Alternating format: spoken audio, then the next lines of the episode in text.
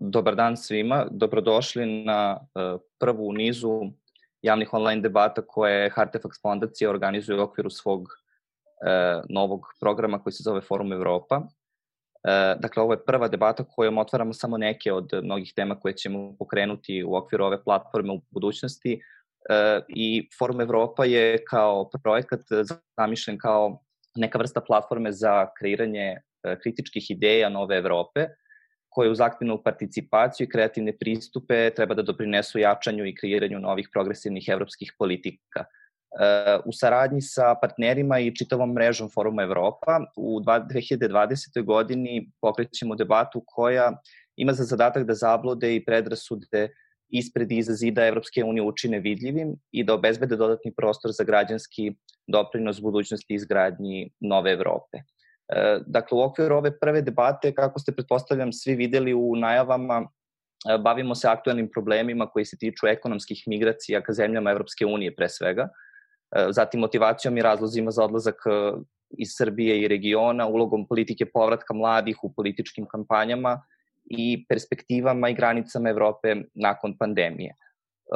Moji današnji sagovornici su ljudi koji svojih profesionalnih ali ličnih perspektiva mogu da u velikoj meri doprinesu otvaranju te debate na, na sve ove teme. E, I evo ja ću ih samo ukratko predstaviti pre nego što krenemo sa razgovorom. E, to su Aleksandar Jakovljević, član tima Tačke povratka ispred programa za razvoj Jedinjenih nacija, kao i član stručne grupe koordinacijonog tela za praćenje tokova ekonomskih migracija vlade Republike Srbije, e, zatim Katarina Tadić, politikološkinja i istraživačica, e, novinar Danasa i urednik rubrike Naši ljudi u svetu Vojislav Stojsavljević, i sociološkinja i docent. To nije, izvini, ali to, to nisam ja. Pomešala si moju biografiju sa nečijom biografijom, žao mi je, da. Mislim, jesam to istraživačica i završila sam političke nauke, ali ja zapravo radim za WWF Adriju trenutno, dolazim iz civilnog sektora i uh, bila sam u Engleskoj na master studijama. Tako je i bivša si istraživačica Centra za evropske politike. Jeste, jeste, jeste, jeste, ali, ali, ali, ali, ali bez, mislim, ne radim za danas, nikad nisam radila. Ne, samo ne, ne, izvini, to je Vojislav, samo sam se pogrešno nadovezao, Vojislav je novinar danas, samo sam tako Aha, nastavio. izvini, izvini. nema problema, nema problema. Dakle, Katarina je politikološki istraživačica, Vojislav je novinar danas. A, ok, ok, I... onda je moja greška. nema problema. E, naša poslednja sagovornica Milica Vesković-Anđelković, e, sociološkinja i e, docentkinja na Filozofskom fakultetu u Beogradu.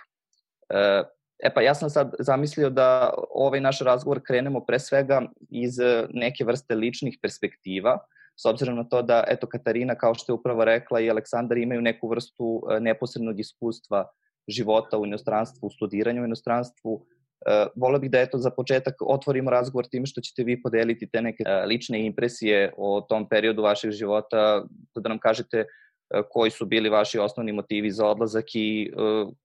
kakve je vaša, kakav je vaš utisak o generalnom životu u inostranstvu, kao i koji su bili vaši planovi. Da li ste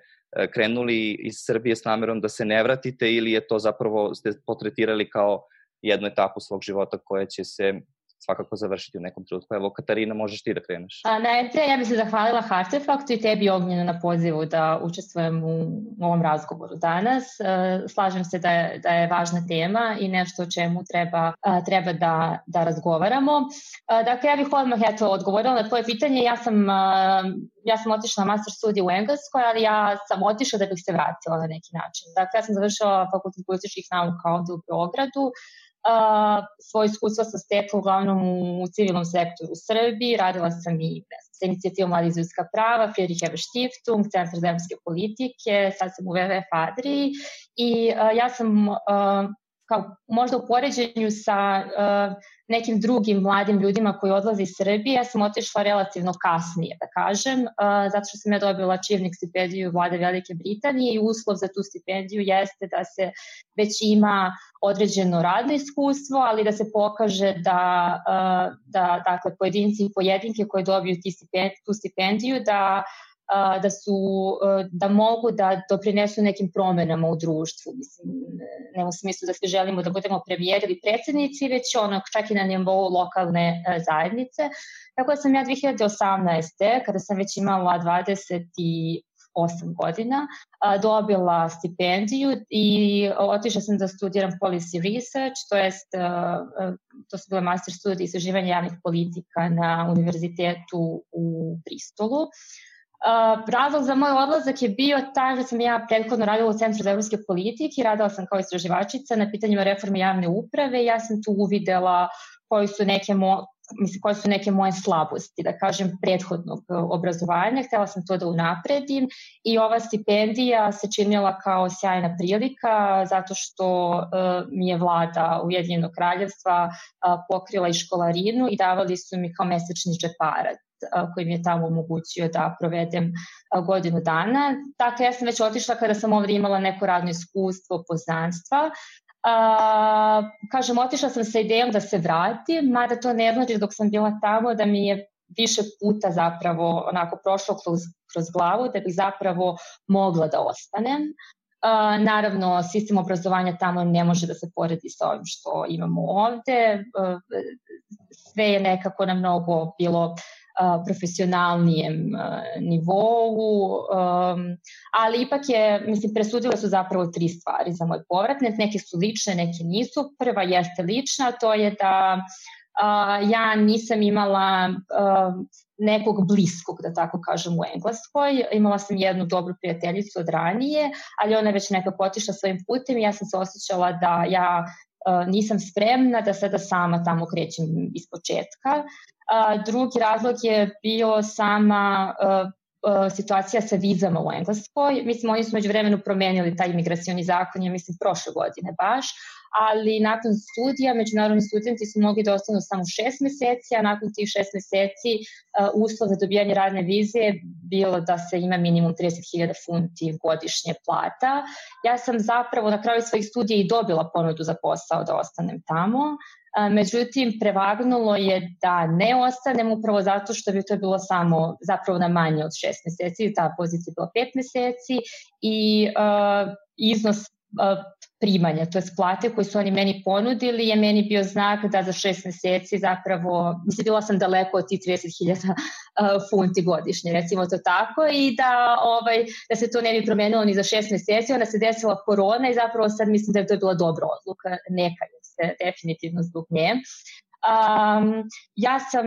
otišla, opet kažem, i radi sticanja znanja, ali zato što sam ja, mislim, ja verujem da je meni ta diploma dala dodatan kredibilitet mom dosadašnjem iskustvu, znanju i tako dalje, jer je pokazala najpre to da sam spremna dakle, da idem da se predstavim u drugu zemlju, da se dodatno usavršavam i tako dalje, ali to da ono mogu da se izborim u tom nekom novom sistemu i da, da, da ga uspešno uh, završim. Uh, to kažem, vratila sam se u oktobru prošle godine, za sada se ne kajem što sam se vratila, eto to odmah na početku da kažem. Mislim što naravno ne znači da možda za dve, tri godine ako vidim da stvari ipak ne idu onako kako sam ja zamislila, da ja ponovo neću razmišljati o odlasku, ali to naravno, na to će utičati, uticati kako neki moj lična, lična situacija, tako i situacija u zemlji, mislim, moram priznati. Tako da, ovaj, uh, mislim da eto, to je dovoljno na početku od mene, pa onda ovaj, pričat ćemo dalje. Vratio bih se svakako na neke stvari koje si sad već pomenula, ali uh, dao bih pre toga uh, reč Aleksandru da čujemo i njegovo iskustvo. Hvala ti, hvala ti na prvo na pozivu, hvala Hartefak fondaciji na prilici da govorim ispred, ispred povratka. Uh, kao što si rekao, ja, ja sam imao priliku da da živim i studiram u inostranstvu, tačnije otišao sam već e, za vreme srednje škole i tamo sam završio sam srednju školu i osnovne studije u Americi, osnovne studije na oblasti, oblasti financija i biznis menadžmenta, nakon čega sam otišao u Nemačku, ajde kažem da sam napravio prvi put, prvi stepen ka povratku kući na Bucerius Law School u Hamburgu, da sam završavao master iz prava i prava i biznisa e, formalno i od 2016. godine, tačnije negde septembra 2016. godine sam ponovo u Srbiji. U periodu kada sam se vratio u Srbiju radio sam jedno vreme kao GIZ ekspert u NALED-u, Nacionalnoj alijansi za lokalni ekonomski razvoj, na temi reforme e, javne uprave, prvenstveno u domenu unapređenja pozicije Srbije na Doing Business listi Svetske banke u delu elektronske uprave, reforme inspekcija i sličnih oblasti. I uh, u tačku povratka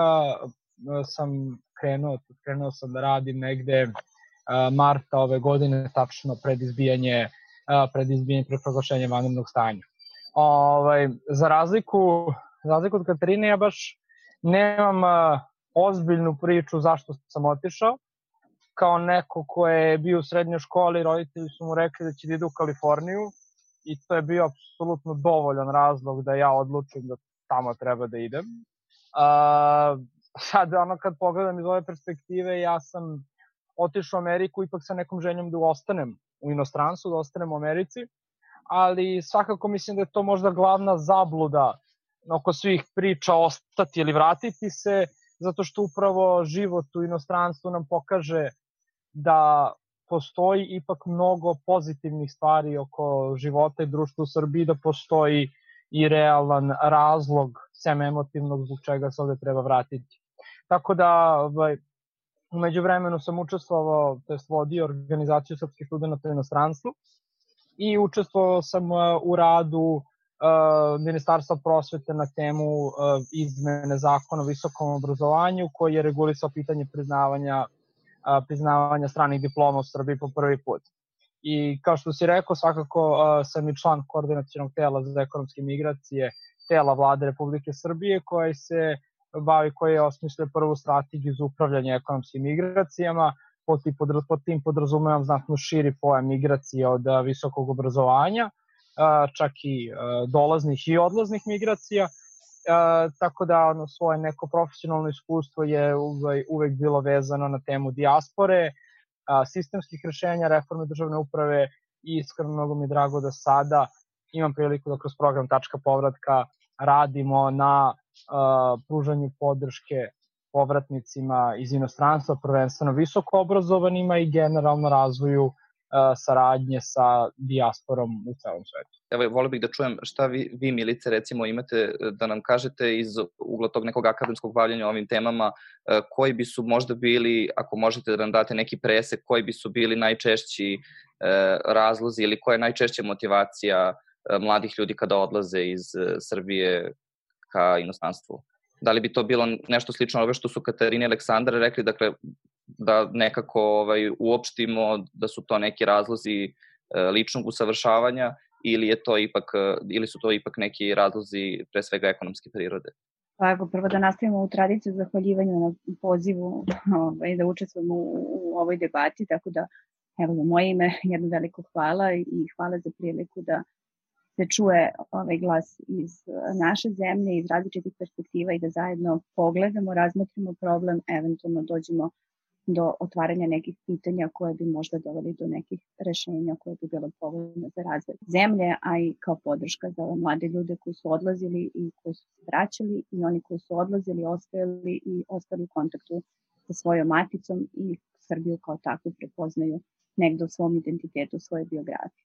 E, ja ću vam iznositi neke rezultate istraživanja koje sam ja radila na tu temu. Dakle, ja nisam od ovih primera koji su odlazili, vraćali se. Ja sam završila svoje osnovne i postdiplomske studije ovde u Srbiji i bavila se dijasporom proteklih 15 godina. Tako da je to iz te neke daleke perspektive možda i mogu da kažem šta je bilo, kako je bilo i gde smo danas. Što se samih razloga tiče, sad kad govorimo o mladim ljudima, imamo dve vrste sad mladih ljude, kad moram tako da kažem, oni koji odlaze zbog obrazovanja i oni koji odlaze iz ekonomskih razloga. Znači, izneću vam rezultati jednog i drugog istraživanja. Jedno je rađeno 2016. godine, u stvari u etapama od 2014. do 2016. godine. Reč o istraživanju teritorijalni kapital Srbije, gde su migracije bile samo jedan od delova čitavog istraživanja i tu smo istraživali ovaj, konkretno kad su migracije u fokusu, motive potencijalnih migranata da odlaze i onih koji su se vratili, zašto su se vratili. I istraživanje iz 2018. godine, 2017-2018. gde sam se ja bavila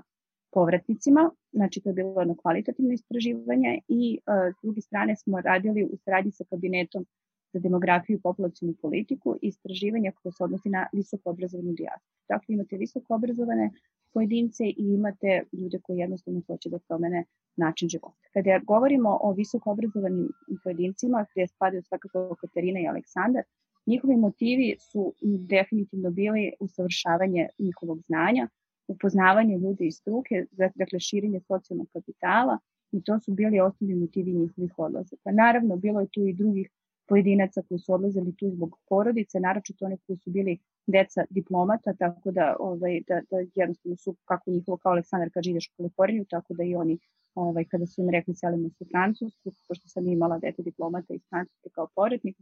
prosto oni su otišli, kad je istakao mandat, oni su se vratili i njihov put je bio jednostavno takav, ali oni su manjini. Imala sam jedan vrlo zanimljiv primer, recimo gde je jedan povratnik rekao,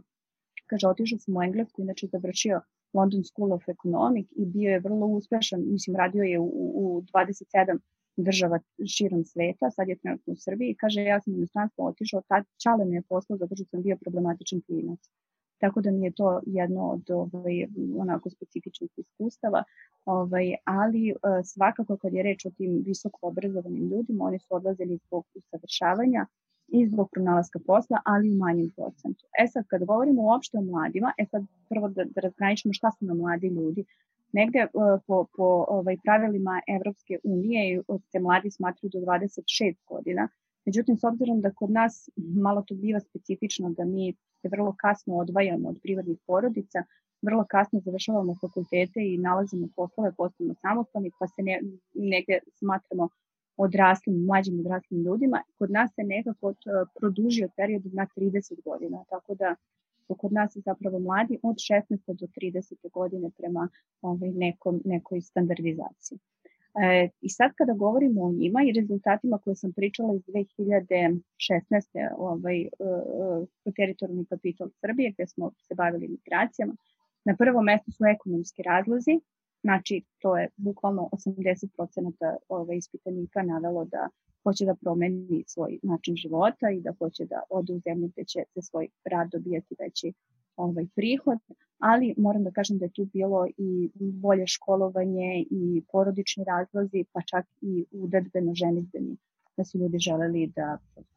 razloga što su imali emotivnih partnera u inostranstvu. E sad kada pričamo o samom povratku, to su isto iskustva različita, bilo je nekih kao što je Katarina rekla, ja sam otišla da se vratim, tako isto je bilo znači, ilustrativno kako je jedan ispitanik koji je čak 90. godina, u stvari 80. godina, 90. u vreme najvećih ratova na našim prostorima se vratio u zemlju i rekao ja sam lepo otišao u Ameriku, kao kad odete u prodavnicu da kupite šta vam nedostaje u, zem, ovaj, u kući, tako sam ja otišao da odem po znanje koje ne mogu da dobijem ovde, da radim u dobrim laboratorijama, inače čovek mašinac, mašinski inženjer, i da se jednostavno sa tim znanjem vratim i da ga primenim ovde u svoju kuću. Tako da bilo je i takvih slučajeva, a bilo je i slučajeva koji su otišli da se nikad ne vrate, ali prosto ili istekla viza ili nisu mogli da nađu posao pa su se vratili na u zemlju. Dakle, iskustva su različita, da sumiram. ono što kada, kada govorimo o visoko obrazovanim, svakako su otišli da bi radili u nekim drugim laboratorijama sa nekim drugim ljudima, mada ja uvek kažem da oni koji se bave društvenim naukama nikad bolju laboratoriju od ovog našeg Balkana neće naći, nigde, tako da ostajte ovde ako hoćete time da se bavite, ali kada govorimo o, o mladim ljudima koji odlaze čisto da bi promenili način života i da bi negde poboljšali svoj ekonomski i socijalni status, oni odlaze upravo iz tih razloga ekonomskih pobuda, vraćaju se iz razloga što ili emotivnih, kao što je rekla Katarina, nisam imala nikog tamo, to je taj takozvani emotivni kapital koji je vrlo važan da bi se otišlo i ostalo u stranstvu ili se vraćaju jednostavno zato što su dobijali poslove ovde i toga je bilo ovaj, u velikom procentu ovaj, slučajeva i u mojim istraživanju. Bude toliko od mene za sad. Pa... Da, ovo je možda dobar e, šlagvort za ono što Vojslav može da nam kaže iz svog iskustva. E, Vojslave, s obzirom da ti uređuješ e, rubriku Naši ljudi u svetu, u kojoj glavnom pišeš o, i razgovaraš sa ljudima koji su iz Srbije, ali se nisu vratili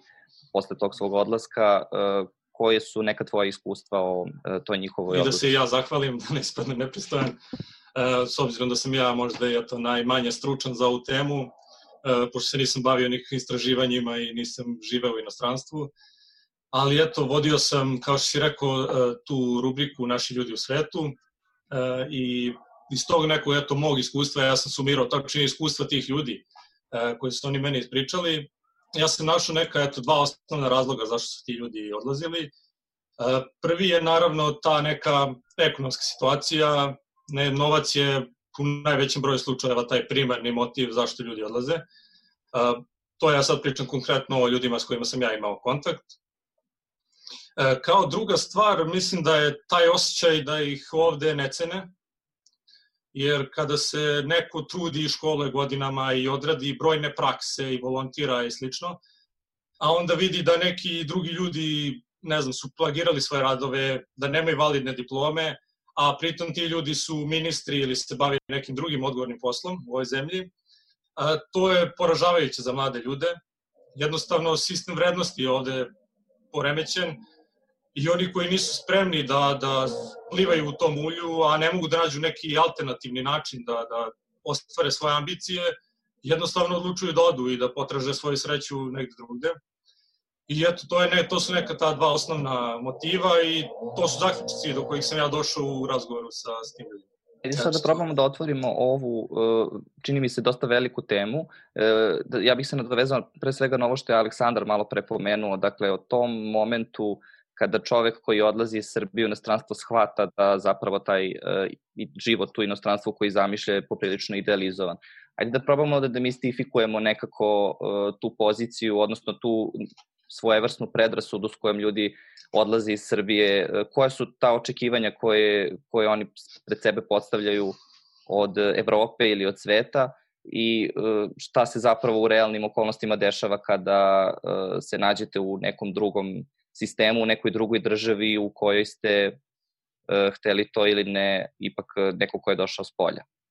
Pa sad, kogod se osjeća pozvanim, slobodno ovaj, Pa evo, ako mogu, pošto sam pokrenuo temu, da dodam samo par komentara, o, sad svakako govorim u svoje lično ime, a, velika je razlika velika je razlika od, od toga u koju zemlju se ode, da bi se stvorila jedna opšta percepcija. Moje iskustvo je da su Evro, Evropa i Amerika, Evropu ipak stavljamo u jedan koš, a, dosta različiti, jer Amerika svakako zemlja migranata i zemlja koja prihvata migrante, i koja ne gradi svoj nacionalni identitet na poreklu, dok u Evropi je ipak situacija dosta drugačija. Ja sam konkretno u Nemačkoj imao situacije da su me prijatelji Nemci najdobronamernije, bez ikakve zle misli, pitali, aha, ti si iz Srbije, znači došao si ovde, a kad ćeš da se vratiš kući? Ne kažem da su oni imali direktnu želju da me oteraju, ali prosto je nije nije to ta nije ta, taj vid prihvatanja kao što je možda kao što je možda u Americi. Generalno što se tiče idealizacije, rekao bih da ljudi odavde slušaju slušaju o zapadu kao idealnom mestu za život. Svako društvo ima svoje probleme. Uh, Vojislav je spomenuo neke naše, uh, Nemačka ima svoje druge probleme, Amerika ima svoje probleme, kao što vidimo ovih dana po ulicama, Norveška ima svoje probleme, Italija ima, prosto ni jedna država tih nije savršena. Ono šta, je, ono šta jeste razlika je što kada se živi nekad, u, kada se živi na primjer u Nemačkoj, neki njihovi problemi nas ne dotiču. Kao što mi imamo možda neke probleme na društvenom nivou u Srbiji, kada odemo u Nemačku, mi tamo želimo da obezbedimo prihode za sebe, možda šaljemo novac u, u Srbiju, u porodici i nas politička, ekonomska situacija u toj zemlji dosta ne dotiče, prosto nismo u potpunosti integrisani u to društvo kao što je jedan prosečan Nemac ili ajde kažem građanin Hamburga gde sam ja ovaj, gde sam ja živeo. Konkretno je u momentu kad sam ja živeo tamo umro neki čuveni gradonačelnik Hamburga, hi, desetine hiljada ljudi je ispratilo čoveka, niko od nas stranaca nije ni čuo za čoveka, ne, a ne da je otišao da ga isprati da ode na groblje ili da ide u mimohod. Tako da u tom, u tom smislu je naš, naš osjećaj prihvatanja te, tog društva malo drugačiji, a svakako je i COVID, ova epidemija, malo da vežem za, za nedavne aktivnosti i pokazala da ipak e, u situaciji ozbiljne krize mi, kad kažem, mislim na sve migrante, nikako ne mislim na Srbe, ne mislim na smo ni po čemu specifični, su ipak e, je pokazala je kriza da su u tom slučaju smo građani drugog reda i zbog toga je razlog što je da se stotine hiljada naših državljana se vratilo u Srbiju u momentima prezatvaranja granica, zato što je ipak uh, Srbija bila ta neka koja će ipak više brinuti o svojim građanima nego što je brinula Nemačka, Norveška, Italija, bilo koja druga zemlja. Tako da u tom slučaju, kažem, ovaj, mislim da moje, moje iluzije jesu ovaj, razbijene kada sam otišao i kada sam živao neki period u inostranstvu, mada ja volim da kažem, čisto da me niko pogrešno ne shvati, je da su eh, te godine provedene eh, u Nemačkoj E, Nemačkoj Americi možda najlepše godine mog života, e, da mi je e, mnogo drago što sam se vratio u Srbiju, ali da te godine života u inostranstvu ne bih menjao ni zašto. Tako da eto, to je neka moja percepcija, ja sam tamo promenio svoje mišljenje, razumeo sam zbog čega koje prednosti ipak ima Srbija, koje mane ima možda to neko strano društvo i da sam prosto onda shvatio da je možda za život i za neku profesionalnu karijeru Srbija makar za mene bilo bolje mesto. Evo, ja bih hteo samo da se nadovežem. Ja sam saglasan sa Aleksandrom, znači ne da se nadovežem, hteo bih da te pitam nešto. S obzirom da ja imam iskustvo sa, s tim ljudima od kojih se niko nije vratio, svi koji su otišli, ja sam saglasan da nigde nije idealno i da svi imaju svoje probleme, a ti si upravo malo prepomenuo taj realan razlog da ljudi ostanu u Srbiji i da si ga, ti si ga video u krajem slučaju, vratio se kao i Katarina. Pa bi voleo eto da ako možeš da objasniš te razloge zašto bi treba da ostaje ovde, zašto si ti u krajem slučaju ostao, da malo približimo ljudima eto to i pošto bi ja voleo isto eto da ljudi što više ostaju ovde. A, e, ispravio bih samo jednu stvar, ja nisam ostao u Srbiji, ja sam se u Srbiju vratio. I možda sam se u Srbiju vratio baš zato što se u njoj jedan period nisam živeo. A, tako da, e, to je možda moja, moja, moja druga perspektiva. A, za, zašto, zašto mislim da ljudi svakako treba da ostaju u Srbiji, ali s druge strane bilo bi licemerno s moje strane da ne kažem da mislim da treba i da odu inostranstvo, da se školuju, rade ili šta god i da teknu to neko a, znanje i iskustvo. Neko istraživanje koje smo mi radili u, za vreme dok sam bio u organizaciji srpskih studenta u inostranstvu je pokazalo otprilike da među makar studentskom i omladinskom populacijom imamo tri trećine po, po stavovima, jedna trećina koja će se vratiti sigurno, jedna trećina koja se neće vratiti sigurno i jedna trećina koja će se vratiti ako, a sad tri tačke. Tako da, e, mislim da ja konkretno sam završio pravo na masteru, tako da pravo kao nacionalna nauka i s obzirom da sam od uvek želeo da e, se bavim, da moj rad ima možda neki širi društveni značaj, iako to nikako ne treba pomešati sa, sa politikom, a, možda nije realno da se ja takvim poslom bavim u inostranstvu. Konkretno, ne postoji država koja bi mene prihvatilo bilo koje radno telo koje se bavi ekonomskim migracijama, sve možda Amerike, bi imamo konkretno Srpkinju na čelu državnih rezervi ili neke vrlo ozbiljne institucije koje postavila, postavila sadašnja administracija ali kažem prosto to nije nije bio uh, nije bio nije bila velika alternativa, nije postao izbor zato što ono čime se ja želeo da se bavim mogao da se bavim u Srbiji. Do druge strane potpuno mogu da razumem ako neko nuklearni fizičar da mu je povratak u Srbiju dosta strani, dosta dalek zato što ne postoji neki prostor za njegovu razvoj profesionalne karijere samo da, da, da se ubacim sa ovom pričom, sa Aleksandra što priča, da se vratio iz razloga što je ovde video bolje uslove. Hoću da kažem da, da ono o čemu se malo manje priča kod nas jeste i trebalo bi ljudi koji planiraju da odu u inostranstvo da, da, da im se ukaže kakve prilike imaju. Ovaj, vas dvoje ste imali priliku da odete da studirate, da odete da se bavite ovaj, tom fazom svog života, to je da, da odredite tu fazu obrazovanja ali ljudi koji odlaze kao gotov proizvod, da kažem grubo, dakle koji su završili sa svojim obrazovanjem ide da rade, vrlo često padaju na poziciju, upravo zbog drugačije prihvaćenosti, padaju na poziciju da rade poslove ispod svoje kvalifikacije. To je takozvano u nauci, to zove, mislim, naravno, ovaj, uzeto iz Amerike, gde bi drugo, brain waste, kao opadanje, dakle, mozgova, znači ono što ste, što ste stekli obrazovanje, ne radite posao koji radite. To je konkretno ovaj, primer sa lekarima, o kojima se najviše priča sad da, da odlaze prvenstveno u Nemačku, Austriju, ovaj, da odlaze sa jednom specializacijom, a rade zapravo sasvim druge stvari, rade kao tehničari, i imaju zadatak konkretno, znači to su podaci isto iz direktnog razgovora sa ljudima, to s lekarima koji su otišli, moraju da urede ponovo specializaciju u toj zemlji u kojoj se nalaze kako bi ona bila verifikovana i kako bi mogli da dobijaju da budu dovoljno plaćeni kao što su plaćeni kolege, na primjer anesteziolozi ili ovaj, bilo ko drugi. E, s druge strane, ono što je za druge mlade ljude koji dakle nisu visoko obrazani odlaze ovaj, da, da pronađu posao posle srednje škole, na primjer, uglavnom su za njih otvoreni poslovi takozvani 3D jobs. Šta to znači 3D? Znači drti, prljavi poslovi, dakle či, da čiste ulice, da se bave ovaj, čiš, negom starih ljudi koji su vrlo često nepokretni Onda imate ovaj, uh, uh, dangerous, dakle opasne poslove, znači odlazak u rudnike, znači opasne poslove posle hirurga, ali konkretno mislim na odlazak u rudnike i na druga mesta koja nisu bezbedna, da kažemo nebezbedna mesta, i imate uh, uh, uh, damaging, znači oni koji su um,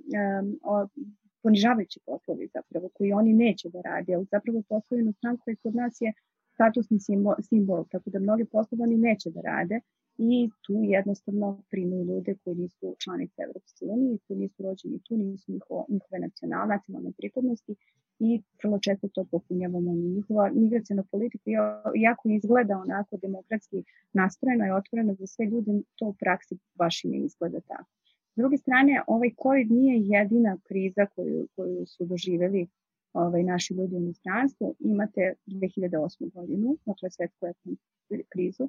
Tako da možda ja sam nešto pripremila pa možemo posle eventualno da pogledamo te grafikone, da su otkaze prvenstveno dobijali ljudi koji su koji došli iz zemalja koji nisu članice Europske unije i koji su, da kažem, iz poluperiferije i periferije prema razvijenosti. Dakle, ne domicilno stanovništvo, jel te, nego upravo građani koji su tu došli radi boljeg života. Onda su dobijali otkaze i veliki broj ljudi, to može statistika da pokaže, se upravo vratio nakon te ekonomske krize koja se desila 2008. godine. Tako da, eto ovo što je Aleksandar pomenuo sa tim COVID-om, kako su se ljudi vraćali, sad možemo pokazati će statistika i te šta se dešavalo, ovaj, mislim ako pokaže, pošto mi podatke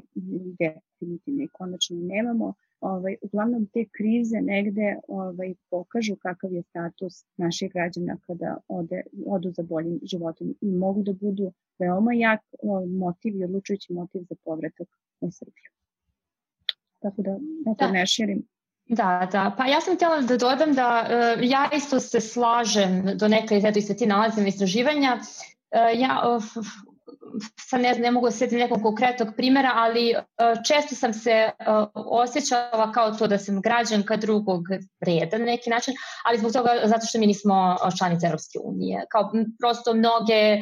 pozicije, mnoge mogućnosti koje su možda bile otvorene za ne samo dakle za britanske državljane, bile su otvorene takođe za državljane Europske unije, a ja kao tome nisam i prosto imala pristup zato što mi nismo članice Evropske unije i kao to je onako bilo prilično uh, prilično jasno ko ima prioritet i koga oni, da kažem, i žele i da zadrže i, i kome daju do nekle privilegovani pristup njihovom obrazovanju. Naravno, to jeste politika EU, na primjer, da su školarine iste za državljane i za nedržavljane, ali koji dolaze iz uh,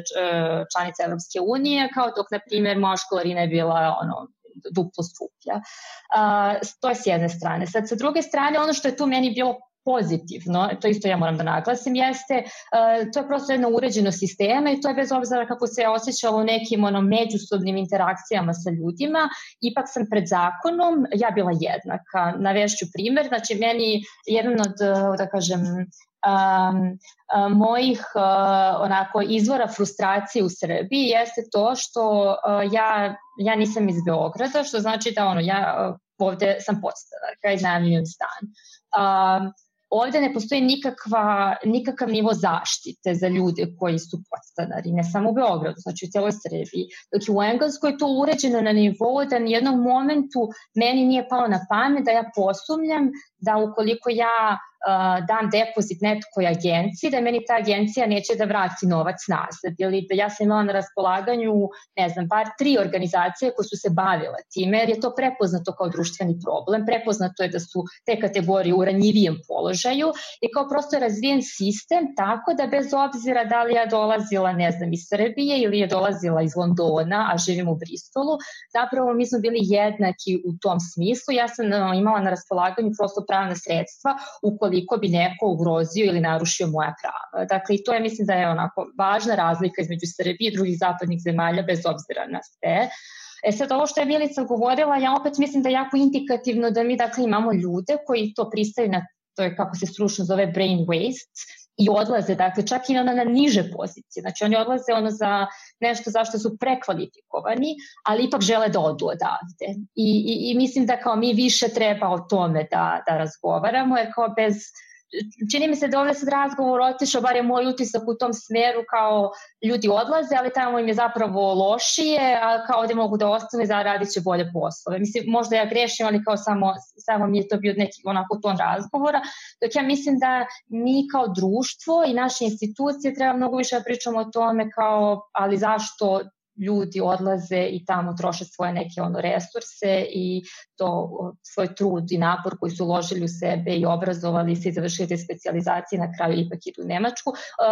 i mislim da tu naša država i dalje ne daje neki pravi odgovor. Uh, mislim, ja čak i ne znam da li i dalje postoji evidencija. Da li mi imamo evidenciju koliko ljudi, mislim možda Aleksandar zna, kao uh, koliko ljudi godišnje napusti zemlju, koliko se vrati, koliko je otišlo poslednjih 30 godina, koji su bili njihovi profili u obrazovnom smislu, u pogledu profesije i tako dalje. Tako da mi, ja mislim da i dalje nemamo taj sistem uh, onako u mestu, da bismo ona, i onda na osnovu tog sistema da mi imamo činjenice koje bi nam omogućile da mi mere koje donosimo i usvajamo su zapravo činjenično zasnovani. Dakle, mi imamo akademska istraživanja koja su apsolutno važna, uh, dakle, ja uopšte ne umanjujem njihov značaj, ali mislim da većina istraživanja dolazi iz akademskog sveta, dok sama država nema prosto kapacitet kapacitete da se na sistematski način i dalje bavi time, ali mi je drago da čujem da je počela da radi na tome i da je to prepoznat problem, kao što Aleksandar sam naglasio.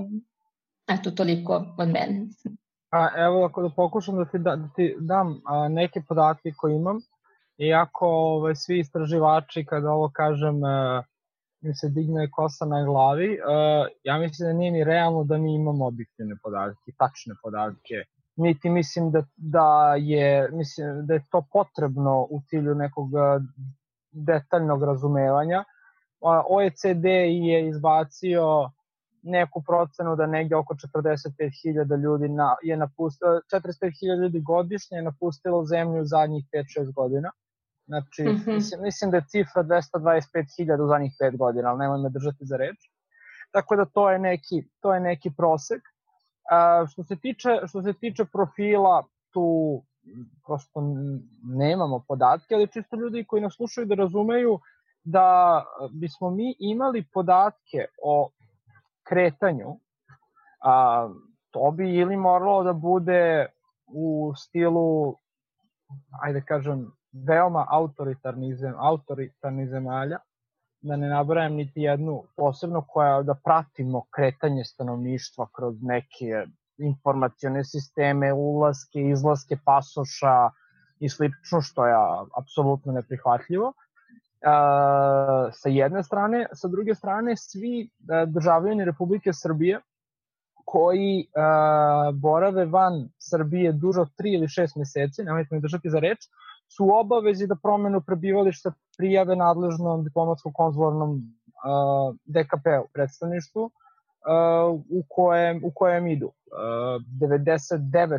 uključujući mene ljudi, pretpostavljam Katarina i tebe, nije otišlo u ambasadu i reklo dobar dan, poštovani gospodine ambasadore, ja bih da promenim svoju adresu iz prebivalište, zato moram da menjam ličnu kartu, moram da menjam pasoš, zbog toga će mojim roditeljima ili kome god da skoči porez na imovinu kući, ali ja želim da ispunim svoju zakonsku obavezu da promenim prebivalište. To je zakonski uređen način da mi pratimo migracije, ali to nije apsolutno izvodljivo niti realno da se na taj način postupa. Tako da to je, to je što se tiče odlaska. Što se tiče povratka, takođe jedini možda merljivi indikator koji mi imamo je broj podnetih uh, visoko, visoko obrazovanih diploma iz inostranstva koje se priznaju u Srbiji. I to je merljivo, merljiv broj koliko se na godišnjem nivou tih diploma prizna. Opet, a, taj broj diploma može da bude, može da bude, ipak postoji neki limit broja koji se priznaju zbog kapaciteta organa da procesuira, mislim ne procesuira, nego da obradi, da, da. obradi zahteve. Tako da u tom slučaju, čak i da mi kažemo da se zakucamo na broj od 2000, 5000 ili koliko god hiljada ljudi, možda je to samo kapacitet ustanove, a ne realan broj povratnika. Pritom, a, ja sam evo četiri godine u Srbiji, nikad me niko nije pitao, izvinio se priznao diplomu. Da, da. Ja još uvek svoju nisam nostrifikovala. Tako da. Mogu ja samo nešto kratko za podatke da kažem i za te migracijni profil. Što se migracijnog profila tiče sa tim raspoloživim ovaj, podacima koliko ih ima, što Aleksandar rekao, možete da pogledate na Kirsovom sajtu, znači Komesarijat za izbjeglice interno lica, koje je nakon ukidanja Ministarstva za dijasporu ovaj, preuzeo to na sebe, tako da oni svake godine rade migracijni profil sa podacima koje imaju i koje je sad Aleksandar pokazali. Mislim, da ne budemo najgori, moram da kažem da ni mnogo razvijenije zemlje sa mnogo razvijenijom administracijom od nas nemaju predstavne podatke o svojoj dijaspori i ne samo o uopšte o, o, o mobilnosti svog stanovništva i stanovništva kroz njihovu zemlju, tako da jednostavno to je činjenica koja kao takva mora da se prihvati. Podaci se dobijaju tako što se ukrštaju e, izvori poput podataka koje daje ministarstvo ovaj, spoljnih poslova, zatim policija, Ministarstvo unutrašnjih poslova, Eurostat, OECD i naš zavod za statistiku, međutim oni ne prave preseke u istom trenutku, tako da vi ne možete ni da dobijete tačne podatke. S druge strane, podatke se prikupljaju iz zemlje destinacije, ali ako vam kažem da jedna švajcarska nas još uvek ima kao zajednice Srbije i Crne Gore, onda vam je potpuno jasno, a Švajcarska je, smatrate verovatno da je vrlo razvijena po, to, po pitanju administracije, onda vam je jasno koliko možemo da dobijemo ovaj, precizne podatke koji bi zaista bili dragoceni, ali su potpuno nemogući. I još jedna stvar koja je Katarina rekla da mi sad kažemo ostajte ovde, pa ja ne bih rekla iz perspektive razvoja, ja bih podstakla mlade ljude da, da idu, i, ali bi isto tako podstakla državu da misli da, da, da radi pravi strategiju održavanja veze sa svojom dijasporom i da prepozna dijasporu kao vrlo važan resurs, ali ne samo kao ekonomski resurs, već da prvenstveno stavi uh, akcenat na taj uh, socijalni kapital i humani kapital koji oni imaju svi da pruže. Tako da najrazvijenije prema, prema istraživanjima Svetske banke, najrazvijenije zemlje Evrope i sveta zapravo imaju strategiju da podstiču svoje ljude da idu u inostranstvo, da stiču, stiču znanje. Znanje može da raste jedino ako kruži, ne možete da ga učaurite, da ga držite na jednom mestu, da, da očekujete sad da, da napravite da budete u korak sa svetom. Ne, idite, idite, ostajte u inostranstvu, ne morate da se vraćate ali ostajte vezani za maticu. A to da će ostati vezani za maticu upravo zavisi od države. I to je ono što bi, eto, Aleksandru koji, koji ima sad ovaj, uticaj u, u stvaranju strategije, zapravo strategija i ranije postala, ne znam da li je revidirana, da li je, znači nije to samo poslednjih par godina, strategija je pisana i pre 2012, 2011 je pisana jedna strategija u okviru ministarstva dijaspore, Ovaj, tako da jedna od glavnih stvari zapravo trebalo bi na državi da bude da ostane u kontaktu sa tom dijasporom i treba podsticati zapravo ljude da idu i da skupljaju znanje i da vraćaju u samu zemlju. Tako da bi zaista bilo pogrešno da se naš razgovor nastavi u, u, ovaj, u, u smeru da zaustavljamo ljude da, da idu u zemlju. Ne, ne, ja se apsolutno slažem. Ja nekad mi se čini da mi imamo tu neku e, ničim izazvanu paniku u društvu. Ne, ljudi odlaze, ljudi odlaze, kao ali zapravo normalno je ako si mlad, da, da, da želiš da odeš, probaš da živiš negde, stekneš neko obrazovanje, da li ćeš se vratiti ili ne, to je drugo pitanje, ali kao možda treba da radimo i da ljudi iz nekih drugih zemalja dolaze kod nas. I, i to je između ostalog odgovor. Yes. Da, Ako da. ne gledamo samo brojčano, pošto zaista, pošto naravno sve nas je manje, natalitet je manji, mortalitet ovaj, raste, sve smo starija populacija u tom pogledu zaista odlazak svakog čoveka, njegovog partnera i buduće porodice za nas veliki gubitak. Ali ako gledamo na, na humani kapital, ako gledamo na naše ambasadore u svetu, to uopšte ne mora da bude gubitak. I mene isto jako ljuti kad svi kada govore o tom odlasku i migracijama, gledaju kao žalopojku. Znači kad govore o tome ja odoše, sina mladi odoše, gledaju kao žalopojku. Ne, ajde da napravimo strategiju, da ih pustimo da odu u te markete, kao što je moj ispitanik rekao, u te markete i da kupe, zapravo da steknu ono što mi nemamo i onda da se vrate kući, ne bukvalno da se vrati. Mi evo imamo sad trenutno, iako smo svakako u svojoj kući mi imamo trenutno, trenutni prenos informacija, trenutnu komunikaciju, kako možemo i da sam ja u Londonu, da ste vi u, u Americi, znači sve jedno, mi možemo da razmenjujemo naša znanja i da ih usmerava, usmeravamo na pravi način ako nam se da prilika za tako nešto. Meni je to samo pozitivna stvar, a samo treba napraviti strategiju koja bi to od te žalopojke zapravo pretvorilo u nešto kao ovaj, jako dobro. Suštini. Slažem se, Milice, da a, cirkularne migracije kao takve predstavljaju veliku priliku ukoliko su kanalisane i koordinisane na pravi način, ali ukoliko su i dalje prepuštene uh, kroz individualno kretanje svakog pojedinca, individualni odlazak bez, bez ikakve te povratne sprege, onda ipak moram da se složim da te žalopojke nisu baš bez razloga. Tako da ukoliko mi te ljude pustimo da pokupe znanja, a društvu u celini nema ništa od toga, kroz e, investicije, kroz saradnju, kroz povrata, kroz posao, kroz eventualno penzionisanje jednog dana, onda to jeste čist gubitak za nas. I ova, istraživanje koje je radio Westminster Fondacija za, za demokratiju je pokazalo da je trošak e, migracija na godišnjem nivou u Srbiji negde oko 1,2 milijarde evra ili negde oko 2,5% BDP-a. Tako da to ipak nisu male brojke. Naravno, ali to nije do države, nego nije do pojedinaca, već do države. Tako, tako kažem, koliko su kanalisani na pravi način, to je ozbiljna razvojna prilika. Sad da se ne vraćamo, sad možemo da pričamo o onim čuvenim istorijskim primerima Petra Veliko koji je otišao u brodogradilište u Holandiji, naučio i napravio rusku mornaricu. A možda je interesantan je primer pojednostavljen za vrednost cirkularnih migracija, ali ukoliko Petar Veliki ode u Holandiju, tamo se zaposli, uda ovaj, oženi uh, holandjanku, dobiju decu i uzme holandski pasoš, onda to već je naravno, gubitak, to je gubitak za Rusiju. Naravno, naravno, to sam i rekla da je to gubitak, ali da umesto da pričamo o tim gubicima, trebalo bi nekako snage skoncentrisati upravo na to da ostane Petar Veliki povezan sa Rusijom, da mu taj čip tog identiteta njegovog i povezanost sa maticom ipak radi, ipak ostane na vezi. Znači, to je negde gde bi svaki razgovor po meni trebalo da, vodi. Znači ne ni ostajte, ne idite nigde, učaurite se, niti idite, udajte se, ženite i zaboravite na Srbiju, ni to nije dobro, nego ok, idite, kupite šta treba i ostanimo zajedno. Ostanimo matice, sa Srbije ostane matice. Da, ono to je što, point of o, ono što mene, što mene izluđuje u svim tim diskusijama ovaj, su stavovi uh, po, pitanju, po pitanju migracija uh, da, je ovde, da je ovde najgore i da samo u Srbiji ljudi odlaze. Uh, ono što uh, svi podaci pokazuju da uh, u Srbiji je možda ne najmanje loša situacija u celom Balkanu, ali ne najgora svakako po pitanju broja i procenta odliva. Konkretno Hrvatska je nakon ulazka u Europsku imala eksploziju uh, odliva ljudi i procentualno i nominalno, čak u nominalno je prešla procenjene brojeve odlaska iz Srbije. Slavonija je potpunosti pusta, Bugarska i Rumunija takođe imaju ogromne probleme, tako reći, cela istočna Evropa je u momentu pristupanja Evropskoj uniji i približavanja paradoksalno sa svojim ekonomskim razvojem i približavanjem Evropskoj uniji je broj odliva rastao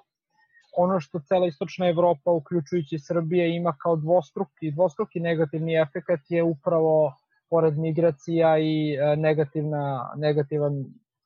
to je povećani mortalitet. Uh, svakako, ono što jeste interesantno da je Srbija u 2019. imala rast broja novorođenih beba, odnosno na 2018. godinu, ali za neki relativno simboličan broj 314, ako sam dobro zapamtio beba ali svakako cela istočna Evropa je u toj situaciji, tek na svetskom nivou istočna Evropa je jedino mesto koje ima taj dvostruki negativni faktor što je katastrofalno za bilo kakav budući rast i razvoj celo, cele regije istočne, istočne Evrope.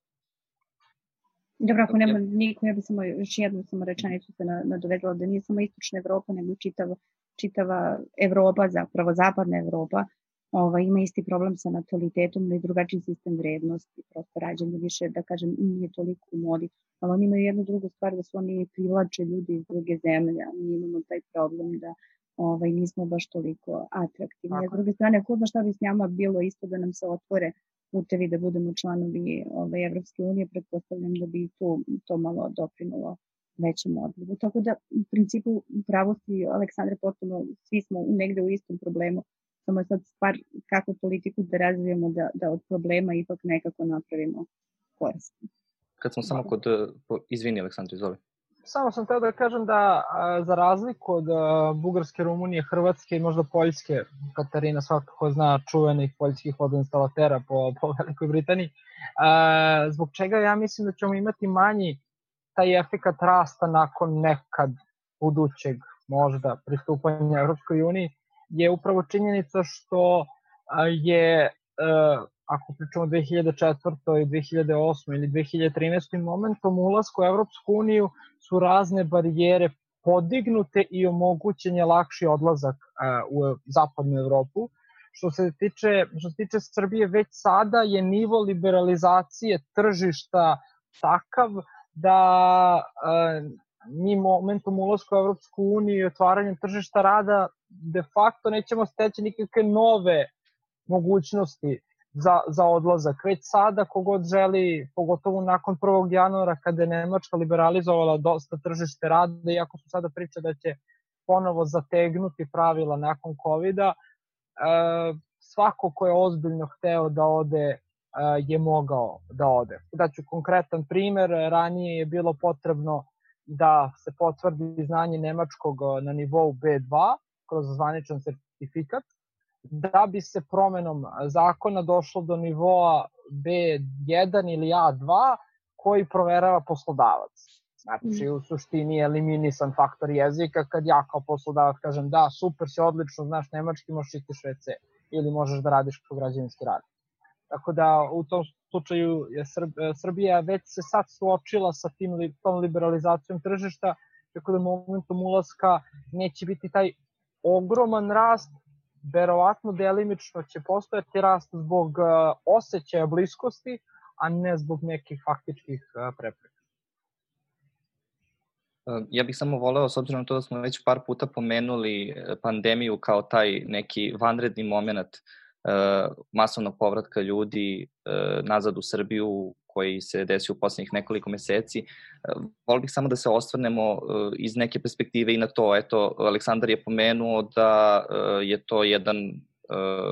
značajan događaj kad je u pitanju povrata koji će sigurno i dugoročno imati neki uticaj na čitavu populacionu sliku, odnosno na tu sliku ove povratka mladih iz inostranstva. Pa eto, volio bih da možda Vojislav krene sad uh, s nekim iskustvima. Da li si možda imao priliku da eto i u vanrednom stanju uh, razgovaraš s ljudima koji su krenuli da se vraćaju iz inostranstva, koji su zapravo tu bili osnovni razlozi, da li je ono što je prevagnulo da umesto tog sistema koji postoji, koji figurira kao glavna prednost života u Evropi, e,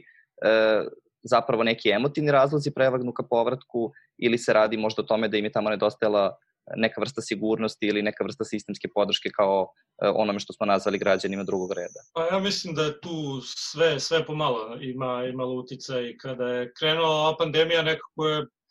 šta znam, iznenadila je mnoge i sad neki koji su otišli tamo kao studenti, ja imam dosta prijatelja svojih koji su tako bili po inostranstvu, koji su sada vratili ili su bili, ne znam, na nekom, dobro, sad ljudi koji su bili na privremenom radu i to, oni su dobili otkaze uglavnom i vratili su se, dosta njih se vratilo da bude sa porodicom, dosta njih iz tog nekog straha,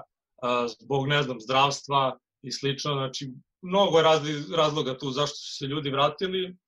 ali ono što sam ja uspio da zaključim je da to nije ništa trajno. Svi ti ljudi su se vratili iz tog straha i zbog te neke eto, stabilnosti eventualno koje imaju ovde, ali niko ne planira da se zadržava ovde. E, sad, pitanje je koliko će uopšte biti prostora, jer ova pandemija svakako vuče novu ekonomsku krizu za sobom i pitanje je koliko će biti posla za naše ljude u tim nekim evropskim zemljama. E, tako da to će možda uticati eto, da ti neki ljudi ipak ostanu ovde i da probaju ovde da se snađu, ali čim pandemija prođe i ekonomija se stabilizuje opet, mislim da će ti ljudi opet da odu, odu odavde. Ali samo bih dodala da dosta će, za, mislim, moje mišljenje, da će to dosta zavisiti od tih zemalja domaćina, kakve će oni politike imati. Vidimo u Americi, na primjer, da je sad Trump ukinuo izdavanje viza ovaj, za strane državljane, tako da ja u svom nekom bliskom okruženju imam e, onako par primera. Naravno, govorimo o nekim visoko kvalifikovanim profesijama i sad pitanje je koliko će sada, ono, da će to biti dugotrajna ili kratkotrajna mera, ali mnoge kompanije su sad ono, zonu možete da sedite u Srbiji, dalje radite za američku kompaniju, dobijate platu kao što ste dobijali zapravo, kažem ti, neki ljudi sad trenutno i ne razmišljaju o povratku, ali opet ne znam koliko će mere ovih kompanija i pojedinih država biti dugoročne, koliko će sad strati cijela ova kriza, ali verujem da postoji tu prostor za našu državu da nešto uradi, ali da, i mi ćemo biti u ekonomskoj krizi na kraju krajeva, tako da će i to sigurno uticati na, na, na ono što država može da uradi. Pa da, teško je sad prognozirati bilo šta, tek će se videti kad se pandemija stiša kakve će ona posledice ostaviti na ekonomsku situaciju i koliko će trajati zemljama da se oporave od toga, pa ćemo onda možda imati eto, neku ideju šta će biti sa tim i koliko će ljudi odlaziti, a koliko njih će ostati ovde. Aleksandre, možda ti sad iz ugla uh, projekta na kom radiš, eto, uh, možda da nam kažeš nešto o tome šta je zapravo tačka povratka radila E, za vreme pandemije i koliko je e, sistemski doprinela povratku ljudi u Srbiju? Pa evo, htio bih prvo samo se nadovežem to što je Vojislav rekao. Uh, sigurno će određeni broj ljudi koji su vratili za vreme pandemije uh, trajno ostati u Srbiji zato što prosto žele ili zato što prosto su shvatili da možda to nije uh, za njih u smislu zbog sigurnosti posla i porodice i slično. Uh, ono što smo imali mi takođe veliki problem, pored ljudi koji su bili na privremenom radu, ljudi koji su bili na ilegalnom radu. To je bio jedan dodatni ogroman problem, zato što sam malo preskačan temu, ali upravo u tački povratka kada, se bavili, kada smo se bavili povratkom ljudi kroz onu organizaciju humanitarnih letova, upravo je često to bilo postavljeno kao pitanje, konkretno je 5000 ljudi sa Malte se vratilo, mi smo suštinski vratili 5000 ilegalaca. Ne, ajde, možda sam sad preterao, ali svakako jedan određeni značajan broj tih ljudi tamo bio ilegalno uh, i prosto smo onda došli u situaciju da mi de facto evakuišemo ljude koji su prekršioci određenih zakona, to je bio jedan dodatan problem. Tako da e, ekonomska kriza koja će neminovno udariti, ajde da kažem verovatno već i udara, e, će drastično smanjiti broj odliva, čak i u momentu kada se ekonomska situacija bude vratila na možda neke pre, pre COVID nivoje, će, ajde da kažem prvenstveno Nemačko, jer 53% naših emigranata odlazi u Nemačku, prvo skupljati radnike iz zemalja Evropske unije, Hrvatske, Rumunije, Bugarske e, i drugih zemalja prvenstveno istočnog bloka i tek će nakon povratka nekog ozbiljnog rasta krenuti da traži radnike iz drugih regiona. To je da možda iskoristim izraz na engleskom koji najbolje prigodu situaciji blessing in disguise, gde smo mi stvarno dobili priliku primirja po pitanju migracija, jer ja očekujem jedan drastičan pad odliva u naredne godinu, dve, dok se situacija ne stabilizuje, što možda daje nam u tački povratka dovoljno vremena da se naše aktivnosti u potpunosti sve uspostave i da se ceo program pokrane i da krene da daje značajne rezultate i da bude vidljiv jednoj široj populaciji ljudi koji su u dijaspori ili koji a, planiraju da odu u dijasporu. Pa dobro, sad samo bih se vratio na ovaj moment uh, evakuisanja ilegalnih, odnosno prekršioca zakona u zemljama inostranstva. Uh, da li bi zapravo to bio neki primat u odnosu na, uh, da kažemo, taj neki po znacima navoda humanitarni moment koji je obezbeđivanje povratka građanima države koje je na ovaj ili onaj način van matice? U momentu raspisivanja vanrednog stanja a, Ministarstvo spoljnih poslova i mi smo, prvenstveno Ministarstvo spoljnih poslova je koordinisalo sve aktivnosti sa našim državljanima u inostranstvu, tako da nije u jednom momentu te, ti ljudi nisu a, imali niti privilegiju, niti su bili diskriminisani zbog svog statusa u zemlji domaćinu. Tačka povratka se prvenstveno bavila povratkom visoko obrazovanih ljudi, to je povratkom studenta i đaka a, iz, iz inostranstva tako da smo mi pomagali, pružali podršku ministarstvu u pronalaženju naših studenta i đaka, popisivanju i vraćanju. To je možda, možda je bilo korisno u uspostavljanju te neke šire mreže kontakata i širenju informacija o programu tačka povratka, ali je svakako to bio naša uloga za vreme pandemije upravo bila da, da koordinišemo sa studentima, ali takođe e, smo u saradnji sa, sa vladom Srbije raspisali poziv zdravstvenim radnicima koji rade u inostranstvu, poziv da se vrate za vreme, za vreme vanrednog stanja u Srbiji pomogli u srpskom zdravstvenom sistemu. E, tako da tu je svakako je e, vraćen određeni broj zdravstvenih radnika e,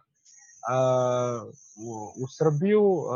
neki privremeno, neki, neki stalno. E, takođe na naš poziv se javio veliki broj zdravstvenih radnika koji su u Srbiji, ali su prosto vid prepoznali nas kao jedino mesto kome mogu da se obrate da bi stavili sebe i svoje znanje na raspolaganje i oni su i prvenstveno uključeni u zdravstveni sistem za vreme pandemije, tako da neke kritike koje su stizvole na naš račun da naši lekari sede besposleni, a da mi vraćamo stran, naše ljudi iz inostranstva ne stoje. Po tom pogledu, u tom pogledu, tako da to je bio još jedan program i način da tačka povratka pruži, pruži pomoć za vreme pandemije. Svakako ta čak i pored ovoga rasta novozaraženih u poslednjem periodu tačka povratka je završila svoje COVID aktivnosti, ako mogu tako da ih nazovem, i trenutno se vraćamo našim redovnim aktivnostima i to nekom planu rada u ovoj godini koji uključuje svakako mapiranje dijaspore, uspostavljanje bliže saradnje sa dijaspore organizacijama, pokretanje kampanja za rad od kuće, to je radi Srbije, baš zbog činjenice da je rad na daljinu postao sve izraženiji za vreme covid i nakon toga, samo činjenica da držimo ovaj panel na Zoomu umesto uživo je možda potvrda toga. E, pored toga svako ćemo se baviti uspostavljanjem vodiča za podršku povratnicima i identifikaciju i rešavanje možda svih nekih dodatnih regulatornih i sistemskih problema na koje nađemo koji, a koji sprečavaju i predstavljaju jednu prepreku povratku. Konkretno, do sada je e, usvojen novi zakon o priznavanju diploma koji je unapredio neko prvenstveno rešenje na kojem sam isto imao priliku da radim. E, sa jedne strane takođe e, su izmenjena pravila po pitanju carina, zato što smo imali neopravdanu politiku da povratnike carinimo momentom vraćanja u Srbiju i povratka svih tih njihovih stvari, što je promenjena politika na način da ljudi koji su živeli na strancu duže 10 godina svu svoju ličnu imovinu izuzev motornih vozila mogu da unesu u Srbiju bez carina, a ukoliko su bili u inostranstvu između godinu i 10 godina, taj iznos je do 25.000 evra. Dakle, to su neki prvi koraci koji su na prethodnih par meseci urađeni, a svakako tačka povratka kao program se a, je uspostavila svoje interne kapacitete i sada kreće aktivnije da se bavi razvojem a, svojih aktivnosti i ispunjavanjem svog ključnog cilja. Ja bih samo podsjetio publiku da e, dok razgovaramo mogu da postavljaju pitanja u komentarima na našem Facebook live streamu, e, s obzirom na to da nam nije ostalo još puno vremena. Ja bih otvorio još jednu temu za sam kraj, pa ćemo možda uključiti neko od pitanja iz publike ukoliko ih bude bilo. E, vratio bih se na ono što je Vojislav pomenuo, čini mi se u prvom svom onom izlaganju, to, je taj, to su ti politički razlozi za odlazak mladih iz Srbije. S obzirom na to da smo, eto, nedavno su završeni izbori u Srbiji i imali smo ono što je po mom utisku još jednu kampanju u kojoj je skoro svaka uh, politička opcija u Srbiji govorila o tome kako je neophodno vratiti uh, strane, odnosno uh, mlade iz, iz dijaspore u Srbiju, kako je neophodno zustaviti odliv mozgova, kako to nekako nikad uvek nam promiče da shvatimo koje su tačne strategije i političke odluke koje stoje iza, iza, tih, iza tih navoda. Pa eto, čisto volao bih da se svako od vas osvrne u tom nekom završnom, u završnom komentaru na političke političku motivaciju, odnosno na nedostatak nekog političkog sistema koji bi ljudima u Srbiji pružio neku vrstu sigurnosti i koje su putevi kojima oni zbog toga napuštaju Srbiju. A opet kogod želi da krene slobodno. Pa evo mogu ja samo kratko, s obzirom da nemam tu nešto puno da, da kažem, ali to kod nas traje već dugo. U svakoj kampanji se spominju mladi,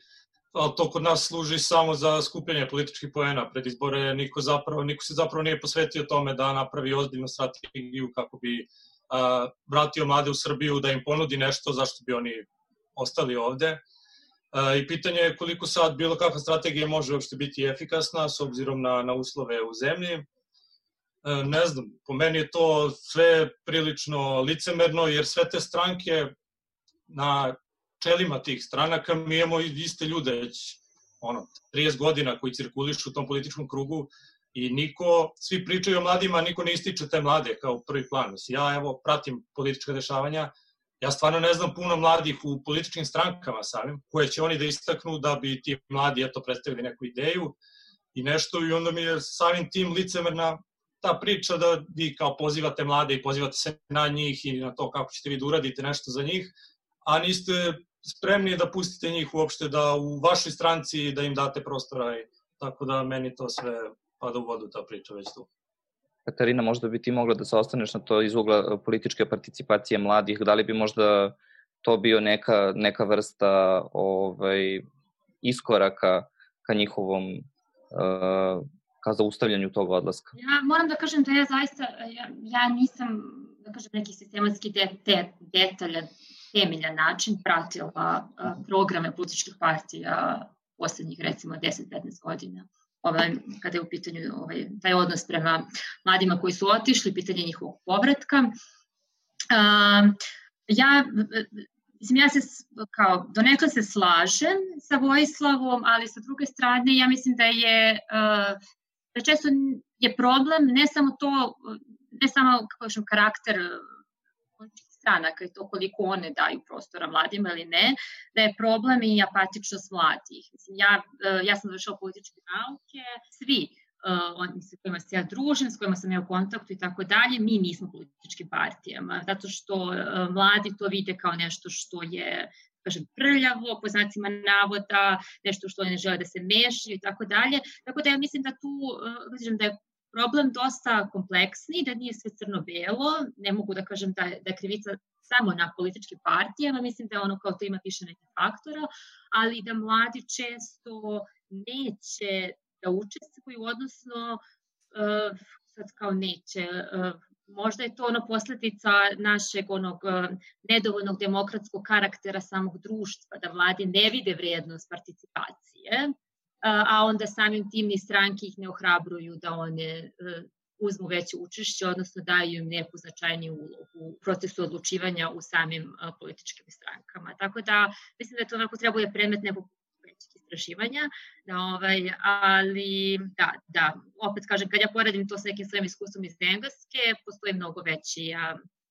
naravno ja sam bila na univerzitetu, ali čak i kao kad poradim sa nekim svojim iskustvom sa univerzitetu u Beogradu, kao postoji veća spremnost ako niše za tim volonterizmom i za ono e, e, željom da se izađe, da se zauzme neki stav, da se protestuje kao, a e, nama to nedostaje, ali opet kažem, različiti su faktori i stvarno ne bih ono uprla prst u samo jednu.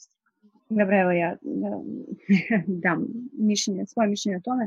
Ovaj, prema onim podacima koje mi imamo politička situacija, znači ja ne govorim o političkim partijama i stvarno želim o tome, nijedan politički program nisam pročitala nikad u životu tako da ne znam šta su obećavali, šta su ispunili, ali ono što, što mogu da vidim na osnovu ovih rezultata koje dobijemo, recimo da generalno politička situacija, znači to je poslednjih ispitanici koji su odlazili, vraćali se ili ostajali, bili u kontaktu ovaj, poslednjih 30 godina koji su ulazili u uzorak, govore o lošoj političkoj situaciji i stranačkom zapošljavanju i nepotizmu i tako dalje. Ali ja to ne bih vezivala sad ni, na, ni za jednu vlast, ni pre 2012. posle 2012 ni od posle drugog svetskog rata na straničko zapošljavanje, tako da čini mi se da je to besmisleno i, i uzimati u obzir kao, kao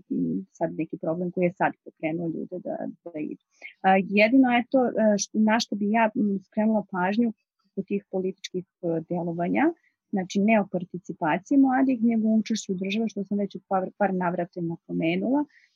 recimo, e, jedno od pitanja u tom istraživanju iz 2018. jeste šta se zamera državi, šta dijaspora zamenja, zamera državi zbog čega se aktivnije ovaj, ne, ne uključuje u razvojne projekte u zemlji, jeste nepostojanje veze između matice i dijaspore. Čak 42,6% visoko obrazovanih ljudi iz dijaspore je dalo taj odgovor i da im zapravo sama država, bilo ko da je u pitanju, im ne daje dovoljno na značaju. Jako ih je pogodilo, to sam po mailovima koje sam dobijala od ispitanika e, videla što su ih svrstali, što su ih stavili sad kao uh, kancelariju za odnose sa dijasporom, što više ne postoji ministarstvo za dijasporu koje je postojalo i ne, kasnije je to bilo ministarstvo za dijasporu i vera, i, i da, dijasporu i vere, ovaj, kasnije je to na kancelariju, sad je to samo jedan ogranak zapravo u okviru ministarstva uh, spoljnih poslova i oni smatruju da ministarstvo spoljnih poslova zapravo treba da se bavi tuđim državljanima i odnosa sa drugim državama, a da su oni dalje povezani sa maticom i da ne treba da ih posmatruju na taj način. Iako možda negde bi zaista i posao ministarstva spoljnih poslova bio da održava i da obezbeđuje njihov položaj u tim drugim zemljama, ipak oni ne smatruju da su zaslužili da budu svedeni na to jedno deljenje u okviru drugog ministarstva. Eto, to je jedan od predloga koje, koje su recimo u velikom broju slučajeva ljudi davali i uh, dosta ljudi je reklo da, da je spremno da ulaže, ima jako veliku želju da ovaj, ulaže u zemlju kada bi država pokazala interes za to i kada bi postojali razvojni projekti gde bi oni jasno našli, pronašli to mesto i jednostavno uvideli da su važni, da su državi važni. Toliko od mene. Evo, samo bih dodao ovaj, što, što, što se Milica rekla vezano za investicije, pa ću odgovoriti na, na, na postavljeno pitanje. A kad se pogleda struktura dozdaka koje stižu u Srbiju, a, samo 3% odlazi na investicije. Tako da Naravno, da to je, da. to je svakako jedan... Da ide u potrošnju. Da, ima tu, ima tu možda više faktora, zato što naš prosečni predstavnik dijaspore i ne raspolaže s investicijnim kapitalom nego on pošalje 200, 300, 400 evra nazad, tako da i naša prosečna dijaspora ne posjeduje ozbiljan investicijani kapital, ali to svakako ne znači da je procenat investicije treba da ostane na 3%, već postoji značajan prostor za, za njegov rast. A što se tiče, što se tiče poslednjeg pitanja, meni je, ja pratim pitanje dijaspora zadnjih 8 godina, 2012. godine, I mislim da nikada se do sada nije do te mere govorilo o, o problemu odliva i o povratku. Ne, na, ne u smislu vlasti, nego vlasti opozicije, civilnog sektora, medija, Kartefakt fondacije i svih drugih. Mislim da nikada ta tema nije bila toliko u fokusu kao što je danas i ja mislim da će to neminovno, makar ta pojačana diskusija morati da neke konkretnije rezultate, pošto u prethodnom periodu skoro da nije bilo istih. Uh, svakako je dijaspora uh, uh, gledala sa neodobravanjem ukidanje ministarstva dijaspore još pre 10 i više godina, a kasnije spuštanje na, na nivo uprave, čak je nivo ispod kancelarije za naše gledalce koji ne znaju, mislim nisu upoznati sa tačno sistematizacijom državne uprave.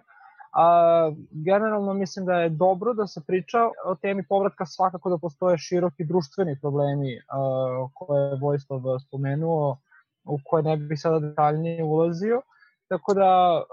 mislim da je mislim da je povratak poželjan i ono što je meni lično drago je da većina ljudi koji želi da se vrati u Srbiju žele to da rade u privatnom sektoru prvenstveno, onda posle u akademskoj zajednici i, i u drugim oblastima. Veoma mali broj ljudi od njih je zainteresovan za politiku, što je, sad će Katarina možda bolje reći da je to dobro ili je to loše, ali svakako većina ljudi koji su izrazili želju da se vrate u Srbiju nisu želeli da, da idu u tom nekom u tom nekom smeru, već su želeli da svoje neko znanje iskoriste u razvoj svoje profesionalne karijere. Samo jedno kratko potpitanje, rekao si da misliš da je sada ta tema odlaska mladih mnogo prisutnija nego ranijih godina u svim sektorima društvenim. Šta misliš, koji je razlog za to? E, pa možda, svakako može problem izraženiji, ali mislim da je i akcijom prvenstveno civilnog sektora u zadnjih nekoliko godina znatno skrenuta pažnja na, na tu temu. Tako da fokus i medija se prebacio, svi mi, naši rođaci koje znamo da su inostranstvu su odlazili od uvek i odavno i možda je naj, jedan od najvećih uh, odlazaka bio uh, za vreme 90-ih, pa između 2001. i 2008. ipak bilo jedno ozbiljno zatiše, čak se može govoriti i o nekom sistematskom povratku u tom periodu, ali uh, svakako u poslednjem, poslednjih 5-6 godina je taj problem ponovo izražen, pogotovo nakon krize 2008. i svih ek ekonomskih uh, mini kriza koje su sledile u Srbiji nakon toga. Tako da oko javnosti društva se prebacilo na temu migracija. Da, i još verovatno još jedan veoma bitan faktor o kojem mi sada nismo pričali je da privatni sektor i poslovni sektor u Srbiji osjeća ozbiljan nedostatak kadrova što verovatno nije bilo pre 5 ili 10 godina, ipak je tada postala mogućnost da se nađe zamena za kadar koji odlazi, ali sada privatan sektor ozbilja, osjeća ozbiljan nedostatak kadrova, da li pričamo o visoko obrazovanima na određenim menadžerskim pozicijama ili pričamo o a, zanatskim radnicima, pokušajte da pronađete molera, pa hajte da vidim za kad mu je prvi sledeći slobodan termin, E, građevinskih radnika, ne rade e, kinezi autoputeve samo zato što daju kredite, već i zato što ne postoji dovoljna radna snaga da to da sve te konkretno kada pričamo o infrastrukturi projekte sprovede u delo. Tako da je možda uh, i sada problem nedostatka kadrova postao mnogo izraženiji i da je delimično i privreda izvršila dodatan pritisak na državu da se sa tim pitanjem ozbiljno pozabavi. U redu imamo jedno pitanje iz publike koje pretpostavljam nije adresirano, ali pretpostavljam da se vezuje na ovo što je Milica malo pre pominjala, ali naravno ako ostali žele da se uključe slobodno. Pitanje je koliko bi pristup Srbije u Evropsku uniju olakšao održavanje tih veza o kojima pričate. Pretpostavljam da se pod tim vezama misli na ove veze između dijaspore i matice. Pa ma ne treba pristup u Evropsku uniju da biste imali vezu. Mislim, evo, mi smo sad na vezi, ako nismo u kontaktu, većina nas nikad nije ni upoznala. Prvi put je da, da se vidimo sad ovako, tako da pristup u Evropsku uniju ne bi promenio bukvalno ništa. Znači, isto vi preko interneta možda budete potpuno u istom trenutku na vezi sa nekim ko je na, jednako kao u Australiji, Novom Zelandu, isto kao što je u Šapcu tako da ovaj, tu, tu promene nema. I sada da li će više ljudi da odlazi pa da bude više povezan ili jednostavno mogu da kažem da ne razumem pitanje, možda da li će zemlja da bude u boljem ekonomskom položaju, ekonomsko-političkom položaju pa da će to možda da privuče ovaj, ljude da budu više u kontaktu sa njom. Jedino ako u tom ovaj, slušalac gledalac ako u tom ovaj, smeru postavi svoje pitanje, e, pa moguće da hoće iz razloga što pretpostavljam da će i veći fondovi da ako pristupimo Evropskom da ćemo dobiti više novca za, za razvojne projekte i ako budu usmeravani jel, tamo gde treba, pretpostavljam da će se otvoriti mesta za, za dijasporu, ali to je sad ti, ti prelomni događaj pitanja sa šta se desi, šta će se dogoditi. Mislim, eto, sve zavisi od to, hoću da kažem, s jedne strane ne razumem pitanje, sve jedno je gde ste, danas imamo internet i razne programe preko telefona koji su potpuno besplatni, tako da da li ste u Australiji ili ste u Hrvatskoj sasvim sve jedno, a s druge strane, ako budemo dobijali nove fondovi, oni budu otvarali prilike dijaspore, naravno da će biti. Ali opet mi nije do Evropske unije, nego na same državi politički U redu, e, s obzirom na to da smo na samom kraju razgovora ja bih vam se svima zahvalio pre svega na učešću. Hvala vam što ste izdvojili vreme i što ste podelili svoje iskustva. E, hvala publici koja nas je pratila i hvala e, na pitanjima koje smo dobili. E, ja vas svakako sve pozivam da nastavite da pratite aktivnosti Artefakta na društvenim mrežama i preko našeg sajta, s obzirom na to da će Forum Evropa eto, u budućnosti tek pokretati neke važne teme koje se tiču budućnosti Evrope u najširem mogućem smislu. Ovaj razgovor ćete moći da preslušate u formi podcasta na Hartefaktovom sajtu. I eto, do sledeće debate, e, doviđenja, hvala vam još jednom na učešću i na ovom razgovoru. Hvala. Hvala. Hvala na pozivu.